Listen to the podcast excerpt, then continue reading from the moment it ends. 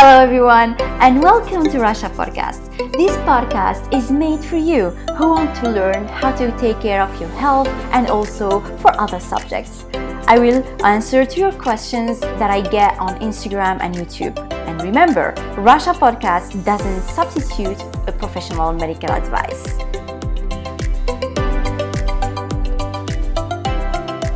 Hello, everyone, and welcome again to this new episode of Rasha Podcast. I'm your host, Rasha Bia. Today's subject will be about one type of fats that our body needs. I will be talking about the two omegas, omega 3 and omega 6. Omegas are polyunsaturated fats. The body cannot make them, and we, we, we really have to get them from food. So we consider them like essential fats. Omegas are really necessary for many physiological reactions like for our cell membrane, for our heart and hormones, neurons, for inflammations, and also for our immune system. I will talk a little bit uh, of how many omega 3s we have, but not like gonna give the, uh, the, um, the detailed chemical name. Like, I really don't have them in mind, but I have the abbreviations. So you have ALA, we call it LA. We have SDA, we have the DPA, the DHA, which is a food for the brain and the heart and the eyes. We have also the EPA, which is same but also for anti-inflammatory uh, anti, anti-inflammatory reactions. So we, we have one, two, three, four, five, five omega-3, right? The interest into omega-3 and 6 has risen uh, these recent years because of its important roles uh, in, to enhance your health and also protect it from many diseases. Those facts are found in some uh, those fats sorry they are found in some plants uh, they are even genetically modified in some to incorporate omegas in, in them like the soy um, it exists also in salmon, fatty fish in the form of the DHA, EPA, and uh, DHA, right? Uh, DPA.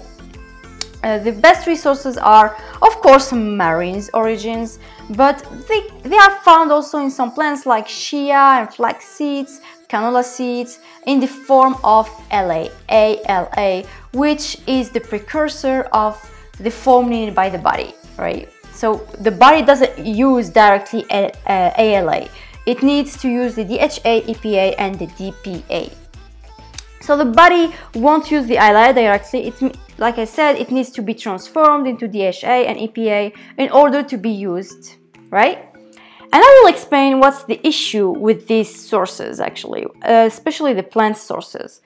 There are epidem- epidemiologic studies who showed that people who have a diet rich with marine origin foods, like in the north, uh, Greenland, etc., they have less cardiovascular diseases. Until now, scientists are still investigating the role of omega 3 in other diseases like cancer, diabetes, inflammations, and arthritis. Uh, so, omega 3 is important to the heart, right? They found that they participate into the productions of necessary chemicals that keep your heart healthy and also your vessels. But the chemicals derived from omega 6 like the prostaglandin or arachidonic acid are the bad ones actually. Um, and the main reasons behind many inflammations as well. So if we describe how they are digested, the omegas, uh, we must know that their digestion depends on, a lot on fats that we have in our diet. The reason behind this is that they need pancreatic, uh, pancreatic enzymes. Uh, those pancreatic enzymes increase with fat in the meal in order to be absorbed. And there is a study ha- who has shown, uh, which has shown that uh, uh, omega 3 benefits in elderly people for the vessels, the heart, and the blood as well. And this is where it gets complex and complicated. A study, another study showed an increased risk of having type 2 diabetes with the consumption of a lot of omega 3, and another study proved the opposite. So, the role of omega 3 remains not clear at 100% for now, and many studies are done and you can find a study against another one like for example the role of omega-3 in protections against mental diseases like depression therefore um, we really cannot uh, confirm or reject the beneficial effects of omega 3, like many other studies are needed. But still, many scientists and professionals insist that omega 3 is really good for our health, memory and nervous system, uh, to uh, prevent or reduces diabetes risks, uh, for our immune system since it protects against bacteria and viruses. It reduces triglycerides and also for your eyes, your metabolic uh, the, and metabolic diseases, for your skin health, for yeah, for your health, uh, for your skin. Some advice. Uh, some people advise, or scientific, or uh, doctors say you need to take one gram or three grams per day of omega 3. But the problem is with vegetarians and vegans. Uh, as I previously, previously mentioned, omega-3 in plants such as flax seeds, chia seeds, they contain ALA, the form, the precursor that I talked about. But the issue is that only 4% of that LA is converted into DHA and EPA. Some other resources even say like there is less than 1% chances to be converted.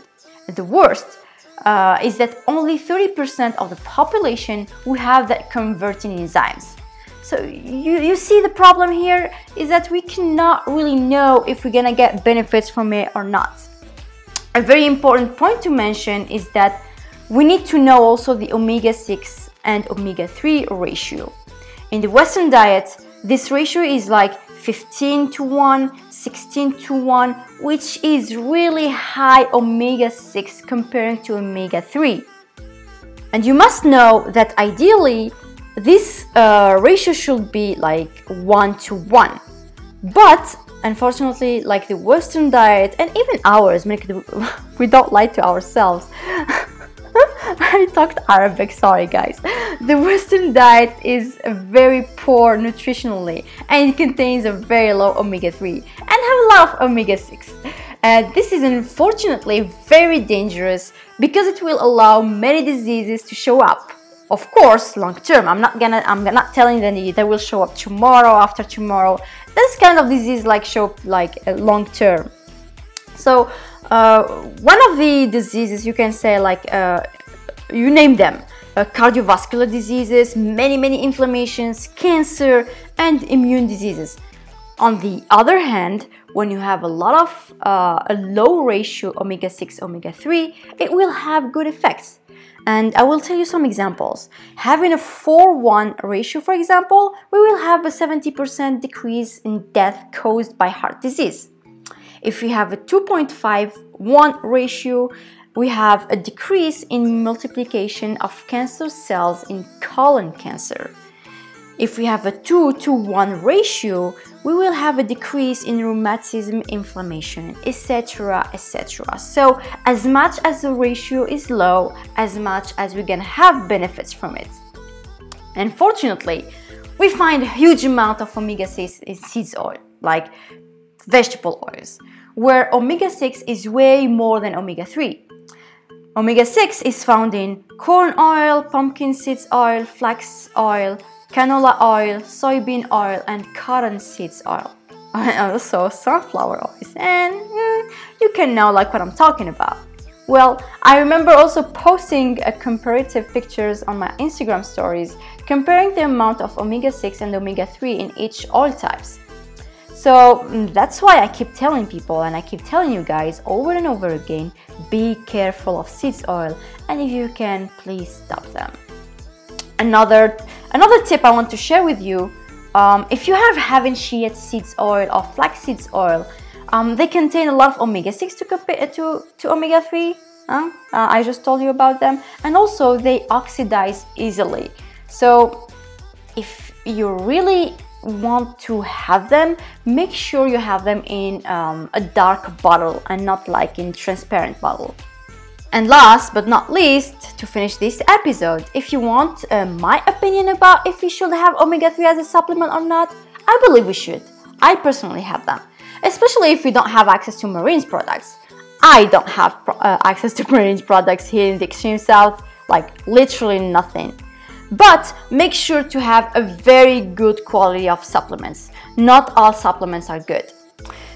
Omega 3 is naturally found in uh, fish oil, cod liver oil, sardines, fish, anchovies, and eggs. So you you have plenty of choices here. Well, guys, this is for this is it for today's episode. I hope you liked it and you really learned something, especially when I talked about the ratio omega 6 omega 3. It's very important to know because it has a huge health issues if you have a very big ratio.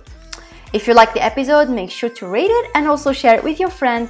And remember, remember, as I always said, take care of your health, take care of yourself, and your health is your choice. Bye bye.